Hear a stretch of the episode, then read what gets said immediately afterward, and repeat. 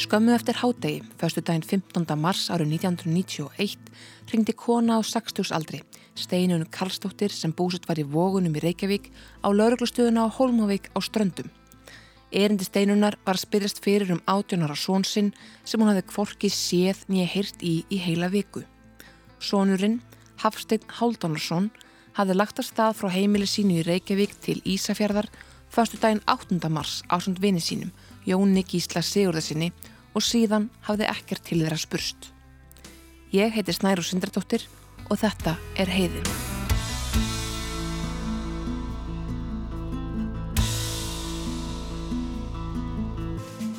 Hvarf Hafsteins Háldánarssonar og Jón Skísla Sigurðarssonar er eitt þessara mála sem ekki sittur eftir í þjóðarmenninu.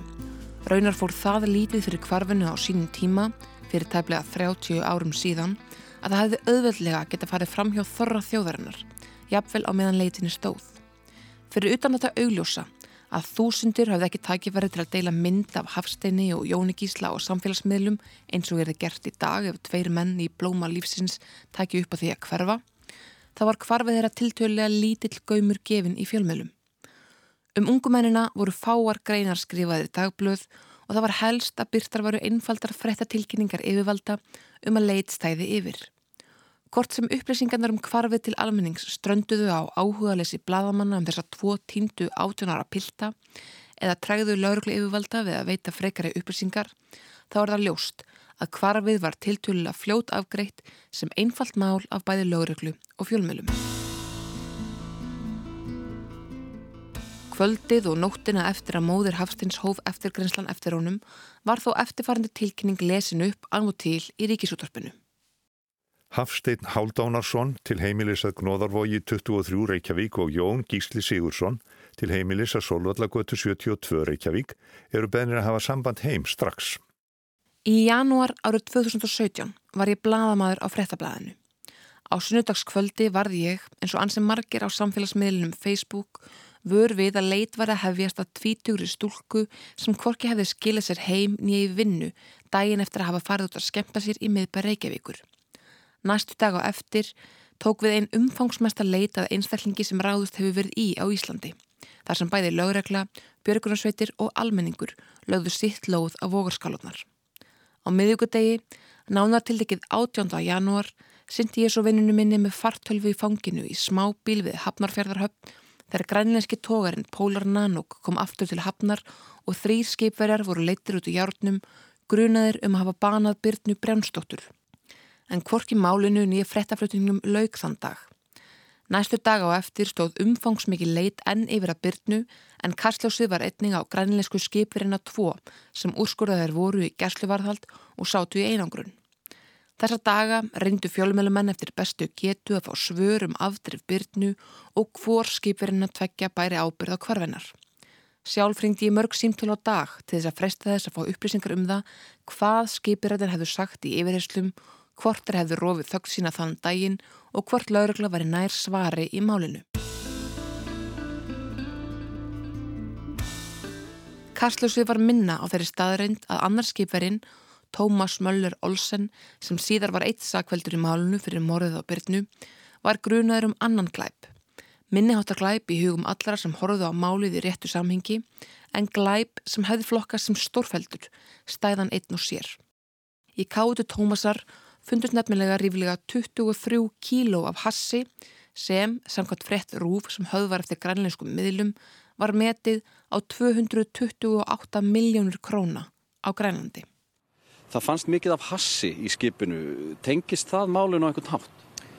Eh, ekki beint, teljum við, en eh, við erum að skoða hvort að sömu aðilar um borðið þessu skipi tengist þessum fíknefnum sem að fundust en við getum ekki sagt með vissu að, að ja, við getum sagt með vissu að, að þetta tengist ekki, þessi tvö mál tengist ekki saman. Þegar Ríki tók að setjast á frettastofunni í lok februar 2017 var tógarinn Pólar Nanók og Hassfundurinn aftur til umræðu á skrifstofunni. Mér minnir endilega að það hafi verið í samengi við þá staðrind að nokkur áður hafði ég skrifað frettir um að Hass fyndist varla á Íslandi lengur og því voru við samstagsfélagarnir að fabulera um hvort Hassi hefði komið um borði í bátinn hér á landi eða í Damörku þar sem tógarinn hefði leiðið höfn áður. Það skipti í okkar huga einhverju máli varandi dómsmál og ákerur þar sem annarkvort varum tengst við íslenska undirheima ræða eða Hass sem aldrei kom raunverulega inn í landið þó því hefði verið silti í íslenska landhelgi. Og í þeirri umræðu kviknaði Peru hjá samstagsmanna mínum Svavarði Hávarsinni sem myndi skindilega eftir sögu sem honum hefði verið sögð um það byrj 25 áram áður árið 1992 eða 3 þegar hann var ungur maður og nýfluttur til Reykjavíkur. Það vilti svo til að á þessum tíma þá var ég sjómaður östur á landi. Ég var búin að kroppa þessi háskólanám sem ég hafði, hafði gert hlið á í einhverja átta mánuði og ákvað að halda áfram nema svo ákvæmum að tekja í miklum skindi og ég skráði mér nám en var ekki með neitt húsnaði í Reykjavík þegar, þegar ég er raunin átt að vera mættir í skólan. Ég sá auglist herbeggi í DFF minni mig og ég ringdi í rauninni eitt símtal og tók vetrarlegu í þessu herbeggi sem að var á grensusvegi 14 í Reykjavík og ég vissi ekkert um húsnaðu og ekkert um þann sem ég talaði við heldur bara einfallega að pakka ég neyri í tösku og fór til Reykjavíkur. Þánga kominn þá áttaði mig á því að þetta var Eh, húsnæði sem var í rauninni svona húsnæði sem fólk nýtti í stuttan tíma fólk sem var á milli í lífinu það var að koma út úr meðferðum það var að skilja. Aðstæði þess voru vissulega mjög ólíkar á milli, milli fólks en ég, ég sá það strax að þetta, þetta, þetta, ég var ekki að koma inn á eitthvað svona vista sem að námsmenn heldur til eitthvað slíkt. Og og lífstíl þessa fólks var mjög litríkur. En það hendaði mér alveg ákveðlega en þess að minn lífstíl var líka mjög litríkur á þessum tíma, þannig að þetta tröflaði mér nákvæmlega ekki neitt. Og í þessu herbyggju var ég þennan vetur og fljótlega kynntist ég Sigur Gíslasinni einfallega vegna þess að hann var afar litríkur maður, mjög skemmtilegur, kunni afar vel við hann og einhvern hlutu vegna þá náðum við mjög vel saman og, og, og spjöldum um heim og geima í glasi og ekki glasi og, og það var bara gaman hjá okkur. Síðan, síðan þegar að fer að líða á veturinn þá kynnist ég honum betur og ég býst við því að, að með frekari kynnum þá hafa hann færð að treyst mér fyrir því sem að lág mjög þungt á hann sem að var svona missirinn sem að var nú ansi nýlega til komin þegar þetta var. Þetta er ábyggilega bara veturinn og eftir. Og þegar hann er að segja mér þessa sögu þá, þá mjög fljóðlega verði þess áskynja að hann er mjög ósáttur við hvernig þetta var allt saman. Hann, hann telur að á, á þeim tíma að, að það sé svo margt í því sem þarna gerist sem að, sem að var að hans mati skrítið að hann fór að reykja þessa sögu fyrir mér. Maðurinn sem Svavar kynntist í skrautlegu húsnæðinu við Grensásveg var Sigurður Gíslason, fadir Jóns Gísla Sigurðarssonar, annars piltana sem hafði horfið eitthvað staðar á milli Ísafjörðar og Reykjavíkur í mars ára 1991. Þeir Svavarurðu fljótlega vinir og smátt og smátt fór Sigurður að segja Svavari sögu sína. Hann segir mér það að, að þetta hafi snúist um ferðalag þeirra félaga, Jóns, Jóns þá, og vinar hans Hafsteins vestur á Ísafjörð og þar hafið þeir alltaf að hitta eða fara til móts við sjómen og græninskum tóra hann segir mér síðan að, að og eins og, eins og menn vita að þá, þá einhvern veginn vegna stoppaði bílinu på Stenglisverði heiði en það var veðrið mjög vond þarna. Mm. og þeir verða úti það er allavega ofinbæra skýringin. Í kjölfarða því að heyra af kvarfinu og þeim vafa atriðum sem voru uppi varandi það, fór ég að grafast fyrir. Ég hafði raunaðins nokkur stykkor tiltækt til að hefja leit á netinu, hvorki nöpt rengjana, nýtt dagsetningu eða ártal. En það sem komir áfram var að svafar myndi að málið hefði tengst steingrimsfjörðarheiði. Heiði, sem ég þekkti vel, hafði oft keirt yfir og sléttu ári áður, sloppið ótrúlega með skrekkin þegar ég velti bílnum mínum við leiðilegar aðstæður á heiðinni en slasaðist lítið. Það var þessi heiði sem virkaði eins og segull á mig og drómið að málunu. Heiðin, jú, og grænlænski tógarinn. Í fyrstu leiti ekki út fyrir að neitt hefur fjallaðu um málið og ég greipi tómt. En smátt og smátt og með tölverðir vinnu fór ég að fikra mig áfram í gegnum slís og mannskaða á vestfjörðum þar til ég tók að finna frettatilkynningar frá lauruglu um leitin að ungu mönnum tveimur og eina stærri frett í morgumblæðinu með korti af leitarsvæðinu og loks tilkynningu um útfóru Jónskísla sem byrti til sama blaði. Og það var á þeirri útfarar tilkynningu sem ég kannaðist við nafn. Hann var einu halva ára eldri ég. Okay. Hann, ég var fætt 73 í mæ og hann var fættur hérna í nógumber 71. Mm -hmm og hérna við ólust upp saman fram að 12 ára og þá fór hann til Ísland, ef við byggum í Svíþjóð og hann fór heim til pappa okay. og var það einn smá tíma Þetta er Sessa, eina allsýstir Jónskísla Hún er smávaksinn, ljósard kona og 50-saldri með stór blá augu, gat í miðnesinu og húðflur um allan líkamann og upp hálsin eins og rúlikrægi. Voru þið náinn? Uh, við ólust upp þessu mikið, mikið alkoholismu mm. svo við vorum eins náinn og við gáttum verið með að við veistu við það lærðum ekkert um tengsl Nei. við bara, veistu við vorum bara ja. ja. og er það þá hjá mamma ykkar? já, veist mamma og pappi byggur saman þegar hann 27 og hann var algi alkoholisti og hérna og það einhvern veginn hann stjórnaði bara öllu það var bara Já, Jóngis var alltaf mikið pappastrákur, vildi vera í honum. Mm. En pappa var bara of mikið alkoholist til að hafa. Mm. Og hérna, þeir reyndu nokkur sinnum að gekk og eitthvað. Sko. Sessa hefur í átján ár rekið líkamskötunarstofu á hverfiskötu við góðan orstýr. Það verið tengslu við þá stofu sem ég kvekti á nafninu í dánutilkynningunni. Ég vissi ekki á þess. Mamma sá mér ekki frá þess. Mm. Ég frétta bara tilvíðin á fyrstæðinu. Bara að hann hefði fundist litt á hann? Eða bara hann væri týndur yfir höfuð. Já. Og hérna, og var ég rosa reið mömmu og var ekki veist, að segja mér ekki. Mm. Hvað það, veist, þetta var svona, þetta tók rosalega á allir fjölskyldina. Það er einhvern veginn, þau þetta fór bæði bara sinn heim einhvern veginn.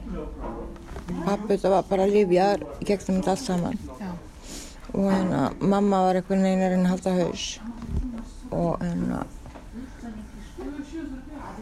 ég grepp bara í viku sko. Í mars 2017 ringdi ég í Sessu til að spyrjast fyrir um málið. Hún staðfersti söguna frá Svavari í öllum megin atriðum en sagði jafnframt að fjölskyldan hefði aldrei fengið upplýsingar eða svör við þeim spurningum sem þau höfðu um kvarfið. Það hefði verið pappinar sérstaklega þungbært en Sigurður Gíslason lést í júli 2016 ári áður en ég fór að grafast fyrir um málið. Fjölskyldan fekk aldrei gögg málsins til sín og með þá vittnesku lagði ég af stað í leitina að laurugluskíslunum. Ég, ég var hann í 8 mánu eins og staði og, og ég kynnti Sigg alltaf betur og betur þennan betur og hann, hann sagði mér alltaf eitthvað nýtt. Hann var mjög eðlilega ofbáslega upptekinn af döða svona síns, það er stutt hann að liðið og hann var alveg ofbáslega sár yfir því að lögregla virtist ekki nú er, hef ég bara hans orð fyrir því en lögregla virtist ekki hafa farið ofan í ymsa þætti málsinn sem að hon fannst grunnsalegir. Þeir lókuðu málinu án þess að skoða vissa hluti sem að fjölskyldan þurfti svör við mm -hmm. og átti kannski heimtinga á að fá svör við hvort að hann hafi upplifað sinnuleysi lögreglu einfallega vegna þess að, að, að þau voru þau sem þau voru að þú veist ég menna Siggi var, var á þeim tíma búin að vera í nestlu og ég, ég, ég veit alveg ég, hérna, að hann var búin að eiga var, var svona synkurum einu við línuna og þess löglega í gegnum sitt líf mm. var hann svona einn af þessum kunningjum lögreglu ég veit það ekki en ég er alveg vissum að Lörglann hafi mjög vel vitað af honum og kannski hefur hann upplifað fordóma. Þú veist þá fordóma fyrir því að er, þú ert sá sem þú ert og þess vegna átt þú ekki skilja fyrir svör. Mm -hmm. ég held að sárindin sem að hann síndi mér hafi kannski skýrst að hluta því. En hann, ég man líka hann þrá baðum að fá að sjá málskögn voru, það var ekki bóði akkur ekki hver er þið mín viðbröð ef ég fengi ekki að sjá málskögn og ég hefði mikið af spurningum? Myndi það ekki bara vera óli á eld grunnsendamennum það að þarna væri eitthvað sem að menn hefði ekki rannsaka nógu vel eða eitthvað hefði verið ástæði til þess að aðtöfa betur? -hmm. ég held að sá sem að er í sorgarferli nýbúin að missa barni sitt fær ekki svör og er með vissa grunnsendir hann, hann fer alveg örglega að vera staðfastar í þeirri trúsin að það sé ekki allt með feldu Það kom fljótlega í ljós að lauruglu yfirvöld voru ekki spennt að ræða við mig óbreyttan bladamann um aðfendingu laurugluskísluna Ég ringdi í laurugluna á höfuborgarsvæðinu, ríkislauruglustjóra og í laurugluna á vestfjörðum en allstæðar kom ég að sama tóma kofanum og fjölskeldan hafði komið að, einhverjum árum og áratugum áður. Ég pískræði mína vennjubundnu heimildamennina lauruglunar en allt kom fyrir ekki. Ég fengi aldrei þessi gögn. Í venjulegu fréttamáli, sem var að gerast í rauntíma, hefði ég reitt með á lögfræðingana og réttageslumenn en það segir sér sjálft að í þá 26 ára gömlu máli tveggja horfina manna eru engi lögfræðingar. Það var ekki fyrir en ég var við það að gefast upp og var að barma mig við ykkur að símadumu hjá lauruglunni sem hún segir Akkur tekkar ekki þjóðskjálasafn, við skilum alltaf öllu þangað á endanum. Bingo. Í lögum um þjóðskjálasafn Íslands segir að veita mig aðganga gögnum þegar þau eru orðin 30 ára gömul viðkomar personupplýsingar svo sem vernd, vittna eða brótaþóla koma fram í gögnunum má aðfenda þau þegar gögnin er orðin 80 ára gömul. En hefni var með mér því ég gatt í ljósu þess að ég var jafnframt að abla gagna fyrir sýstur Jón Skísla fengi gögnin aðfend þrátt fyrir að 30 ára fresturinn væri ekki liðin. 26 ára gömul skjölinn voru vissulega svert af starfsfólki sapsins þar sem personupplýsingarna voru sérstaklega viðkvamar en loksins taldi ég mig geta afla svara við þeim spurningum sem ég og fjölskyldan höfðum.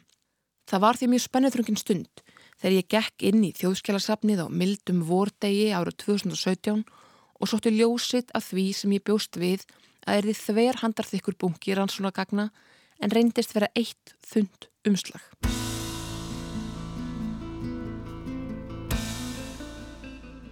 Gögnin skoðaði ég og tók með mér heim en í ykkur tiltækt lendu þau í náttbórskúfunni.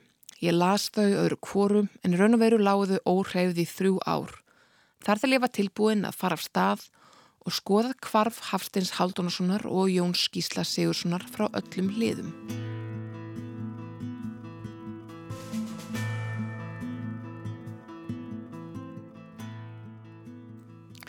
Hafstein Haldunarsson og Jón Gísli Sigursson lögðu aðgand á stað frá Reykjavík fyrstu daginn 8. mars árið 1991 á bláum Volvo sem mammas Hafsteins steinun átti. Ferðinni var heitið vestur á Ísafjörð og félagarnir ætluði verðar í tvo daga. Eftir grænslan mín leiti í ljós að vinirnir leitiðu logandi ljósi að þriðja mannum til að koma með sér í ferðina áður en lagt var í hennu Reykjavík. Einhverjum sem hefði bílpróf og getið tekið við stýrinu á meðan hinnir kvildu sig. Raunar rætti ég við lauruglumann sem myndi endilega að þriðji maðurinn hefði verið komin í bílinn þennan þörstuðars morgun en laurugla hefði stöðvað bifriðina og handtekið mannin sem það var eftirlýstur vegna smákleipa. Hvernig sem það var þá lögðu Jón Gísli og Hafsteit tveir af stað um nýjuleitið frá heimileg sínu í Reykjavík. Hafsteit var 176 cm á hæð og grannur. Hafði með dögt, stutt hár og klættur bláum lífaskalabjúsum og svörtum leðurjekka. Undir leðujakkanum var henni svartri hettupeisu. Hann var klættur í svarta reymaða leðurklossa. Jón Gísli var ívið herri en Hafstein hefðum 188 cm á hæð og var í stuttum svörtum leðurjakka með rauði fóðri. Það er kannski til margsum það hvað kvarf þeirra er í mikilið þóku að ofnbyrjum skíslum ber alls ekki saman um í hvaða fötum Jón Gísli var klættur umrættan dag. Einskísla segir hann hafa verið klættan svörtum hlýraból með grænu munstri og svartri rúlukragapeisu sem var með einni grári ermi og gráum og svörtum röndum fremst á ermunum. Hinskíslan segir hann hafa verið í grætni stuttarma skirtu með mynd framan á og annari svartri skirtu yfir með ljósum ermum. En í öllu falli þá var hann í bláum gallabjóksum og svörtum Dr. Martins skóm sem voru reymaðir alla leiðina upp. Hann var með gráan og rauðan klút með bútamyndum um halsin og tvo ringi eiranu, eitt gull og hinn silfur. Jón Gísli var með ljóst hárið í lágu takli. Þetta voru sem sagt tveir töffarar á Reykjavík á leiðinni vestur á Ísafjörð. Jón Gísli og Hafsteinn lögðast að í fínu veðri. Árið 1991 var ekki búið að opna leiðin um þröskulda sem í dag er venjan að keira frá Reykjavík til Ísafjörðar. Svo þeir keirðu norður yfir Holtavörðu heiði, þar áfram vestan megin við Hrútafjörð um það byl þar sem staðarskáli er í dag. Þar keirðu þeir áfram um strandir og kom til Hólmavíkur. Keirðu yfir Stengrimsferðarheiði, þrættu alla ferðina í Ísafjörðardjúpi og svo framvegs. Leiðin var að mestuleiti lögð malarvegi og því verum langa og frekar seinlega leið að fara. Ekki sex snöggir tímar eins og Aksturn og Ísafjörð tekur í dag. Jón Gísli og Hafsteit tóku fram úr vörubíl um hálf tvöletið við Hattardal í Áltarferði um það bíl fyrir botni fjárðarinn sem bærin Súðavík stendur við. Á bensinstöðuna á Ísafjörði voru þeir komnir um þrjúletið, fyrstu daginn 8. mars. Ungumennir syndu einhverjum erindum á Ísafjörði, hittu kunningja og tóku bensín en upp úr áttam kvöldið aðeins 5 klukkustundum eftir að þeir komi bæin á gamla bláa volvunum ákveða þeir að leggja aftur af stað til Reykjavíkur. Ef allt gengi vel eru þeir komið söður á 5. tímanum um morgunin. Heitli viku síðar hafði ekkert til þeirra spurst og vinur og fjölskylda voru tekin að ókerast. Það var Már Ólafsson, lauruglumæður á Holmavík, sem tóka mútið símtalinu frá móður Hafsteins og hóf eftir grenslan. Þetta var hann er sko, það var ítt tviðsvar í viku heiðin sko og, og hérna ég man bara ekki hvort það var á og ég minni að vera á þriðubum og höstum sem var ílt og vegagerðin sér bíl aðra hvað daginn og það ger ekkert í því og hann er hérna nýri þessu sóleikvæminu og hérna svo þegar hann er hérna eftir, eftir þegar ég fara næst og þá, þá ringja það í mig sko og segja þá fer ég að grænslega sér um einmanna bíl sko Már komst fljótt að því að vinindi tveir hefðu komið að Reykjanesi í Ísafjörðardjúpi um hálf eitt aðfaranótt lögadagsans 9. mars. Þeir keftu sér pulsu og spurðust til vegar en það var veðrið og slæmt og algjört myrkur skollið á. Skegnið var því lítið sem ekkert. En áfram heldur Jóngísli og Hafstitt ferð sinni heim til borgarinnar. Bifrið þeirra fannst svo á Stengriðsferðarheiði á svæði sem heimamenn þekkja sem sólegarkvam. Raunar hafðu starfsmenni vegagerðarinnar fundið bifriðina á þriðju degi þegar þeir ruttu heiðina eftir óviður helgarinnar og hringt nokkur símtur í nærleikendi bæi en enginn kannast við bílinn og þar var látið við sitja. Már gerði sér hins vegar ferðað á bílinnum á förstudagskvöldu til að kanna aðstæður. Í bifriðinni fundust pilsutnar tvær sem kiptar hafðu verið á Reykjanesi, hálfullur 20 lítra bensínbrúsi, pípa og svarta veskiðans hafstins með aukurskýrtinuna hans í og minnismiðum. Bifriðin var mannlaus. Það þýtti lítið að leita þá um kvöldið að piltunum en það veðrið vond og myrkur að skella á. En tilkynningin, þar sem Jón Gísli og Hafstein voru beðnir um að hafa samband heim strax, var að lesin upp í ríkisútörpunu um kvöldið en án árangurs. Morgunun eftir, klukkan 8.20, var liðsynni Björgunarsveitarnar óskað og svo hófst formleg leitt. Nokkur félagar úr Björgunarsveitinni dagareiningu á Holmavíkur og mættir og ásamt lauruglumönnum var gengið af stað. Þá komu þrýr menn úr Björgunar hundarsveit Íslands með Björgunar báti að argerðar eiri í Ísafjörðardjúpi og hafði hverjum sig eitt leitarhund.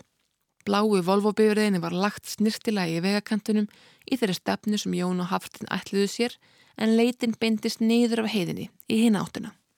Bara fórum hérna og, já, ég og Björgunarsveitar sko, fórum að leita bara. Hefðbundin leit bara, hefðbundin leit bara sko sem hefur verið að leita týndu fólki. Þegar við förum að leita þá er vika liðin sko og þeir hafa bygglega færið fljóðluðu bílum því það voru pulsur, hálfhjartna pulsur og svona í honum, minni mig.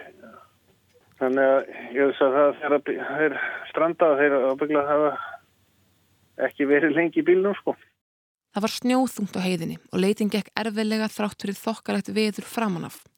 Björgunarsveita menn þurftu að nota stöyra til að pota niður í snjóin og það langt var liðið sem mennir höfðu verið á ferli að ekkert títi að leita ummerkja eins og fótspora eða neins líks. Þegar leiða kvöldi var veðrið farið að versna. Það var náttúrulega búið að vera gegja viður og hérna, snjóaði mikið sko. Það var að vera vittlust viður og, og það var alltaf kæfið fönn sko. Við vorum að leita bara með, í vegkantinu með stöngum og, og. Það var svona þokkalega veðri og svo kvessir og þá fyrir að skafa og þá skefur rónan og þá sjóðan. Þú ert bara mjög fljótar að kólmaða niður í svona vittlisum verið ofsaróki og, og miklu frösti sko. Mm -hmm. og, og kannski veist kannski fórsögun á þessum mannum að þeir voru kannski ekki hraustustu menn í heimi sko. Það var Jón Gísli sem var fundin. Hann fannst liggjandi á grúfu klukkan 17.50 lögadaginn 16. mars 1991. Þá hafði hann verið týndur í viku en hans var leitað þrótlaust í um nýju klukkusundir við erfiðar aðstæður. Jón Gísli var stattur aðeins tæplega 30 metra frá veginum en 1800 metra frá bílinum og hafði því gengið þó nokkuð tilbaka í átt að Reykjanesi. Við lið hans fannst gráa slæðar með bútamindunum. Aðeins tíu mínutum síðar, klukkan 6, var skotluð á ofsaveður og leitamenn þurftu að hætta leitinni á hafstinni. Á meðan lögregla og björgunarsveitir leituðu mannan að tveggja í grenduð bílin á Stengrimsferðarheiði byrjuðu sögursagnir að grassera í Reykjavík. Lögreglan beindi sjónum sínum fyrst og fremst að leitinni í máli sem þótti kýr skýrt frá upphafi. Tveir strákar færsta bílin sinn og verða úti. Vinur og vandamenn í Reykjavík vissu aftur á móti af hverju var farið af staði þess að örstutu ferð alla leiðin til Ísæferðar og þeim fannst það geta haft áhrif á málið. Þetta var fíknefnaferð og hérna sem var ákveðin bara, bara deginum áður held ég. Mm -hmm. En allt í henni var fullt af fólki eða svona, veist, bara í hver, líka hverju partís ég fór í það var einhvern veginn, já ég sendi strákana með þetta mikið af einhverju. Mm og ég hugsa hvað það komist fyrir í bílinu. Það er einmitt ekkert um þetta atriði í þunna skýslupunkanum sem tilvarð í tengslu með kvarf piltana tveggja. Raunveruleg ástæða ferðar þeirra vestur og hvers vegna þeir stoppuðu á Ísafjörði í örfáur klukkstundir áður en lagt þar á stað aftur söður í brjáluðu veðri er engin gaumur gefin og svo virðið sem það hafi raun ekki skipt máli í hugum þeirra sem rannsökuðu málið. Þetta var klassist dæmi um tvo unga menn sem verða úti í harðri íslenskri náttúru. Allt annað var aukaðatræði við höfum séð þetta gerast áður. Rannsókn mín hefur leitt í ljós að það voru ansið margir sem vissu um dópið og að tilstóða eiga í fíknjefnum viðskiptum fyrir vestan. Fadur Jón Skísla vissi að það var tilgangur ferðarinnar sem og vinahópur þeirri Reykjavík og kunningar á Ísafjörði. Það kom þeim lauruglumönnum sem ég rætti við jafnframt ekkert á óvart þrátt fyrir að það atriði hefði aldrei verið skoðað á sínum tíma. Ópenbæra skýringin og lauruglaskíslur benda jó til þess að piltarnir hafi yfirgefið bílsinn á stengrisferðarheiði og gengið af stað til byggða, orðið viðskila og lokum úti, hreinlega króknað úr kulda. Veðrið var vissulega viðbjóslegt þess að tilteknu nótt og skánaði ekkert alla helgina. Þeir voru símalöysir og menn verða fljótt kaldir í bíl sem stöðvaður hefur verið en það er samt atriði sem benda til þess að byðin í bílinum hafi ekki verið mjög laung. Pilsurnar tvær sem keftar voru reykjanissi voru aldrei kláraðar og lágu hálf jætnar í aftursæti bifræðarinnar þegar má, laurglumann, barað garði viku síðar. 20 lítra bensínbrúsin í bílinum var að minnstakosti hálfur svo ekki voru mennir bensínlausir og því hefði verið hægt að hafa bifræðinni í gangi eitthvað lengur og leifa hlýri miðstöðinni að vinna sína vinnu. Veskiðans Hafsteins var eftir í bílinu með öllum hans upplýsingum og minnismiðum. Bílstrósætið hafði verið lagt aftur svo kannski hafði annar þeirra lagt sínum stund. Það var ju miðnótt þegar þeir komuð að Reykjanesi til að kaupa pilsurnar og í sólegar kvam á stengursverðaheiði hafði það líklega verið komður um 40 mínutum síðar.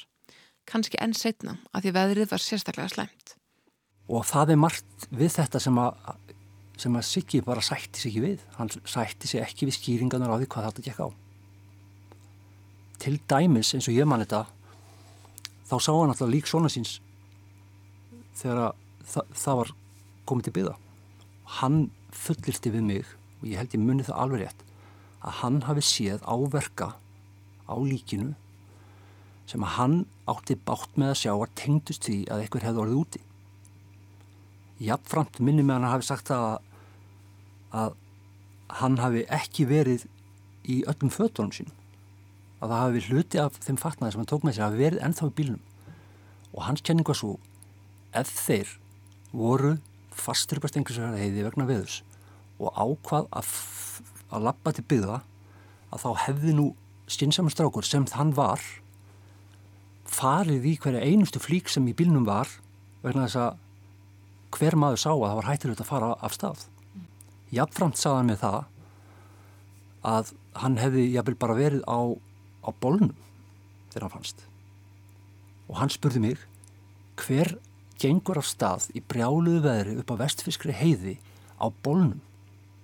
Hvernig má það vera? Ég þekkti sónminnsaðan hann. Hefði aldrei í fyrsta lagi lagt af stað í þessu óvissuferð. Hann vissi betur. Hann hefði bara hægt að stöða bílun og beðið.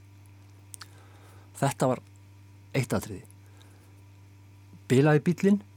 Nei þegar að Siggi segir mér söguna að þá segir hann mér það að þegar laurigla fann bílin þá fór hann að stað strax. Þeir gáttu keirt bílin af heiðinni. Það þetta var ekki neitt slíkt og þeir höfðu lagt út í vegkant. Hann var ekki, hann var ekki farin út af veginum vegna snjóa. Hann var einfallega greinilegt að þeir höfðu lagt bílnum og hann spurði mig hver leggur bíl sem er í lægi og leggur að stað gangandi? Svo spurði hann mig þeir voru með hass í bílnum hvar var hassið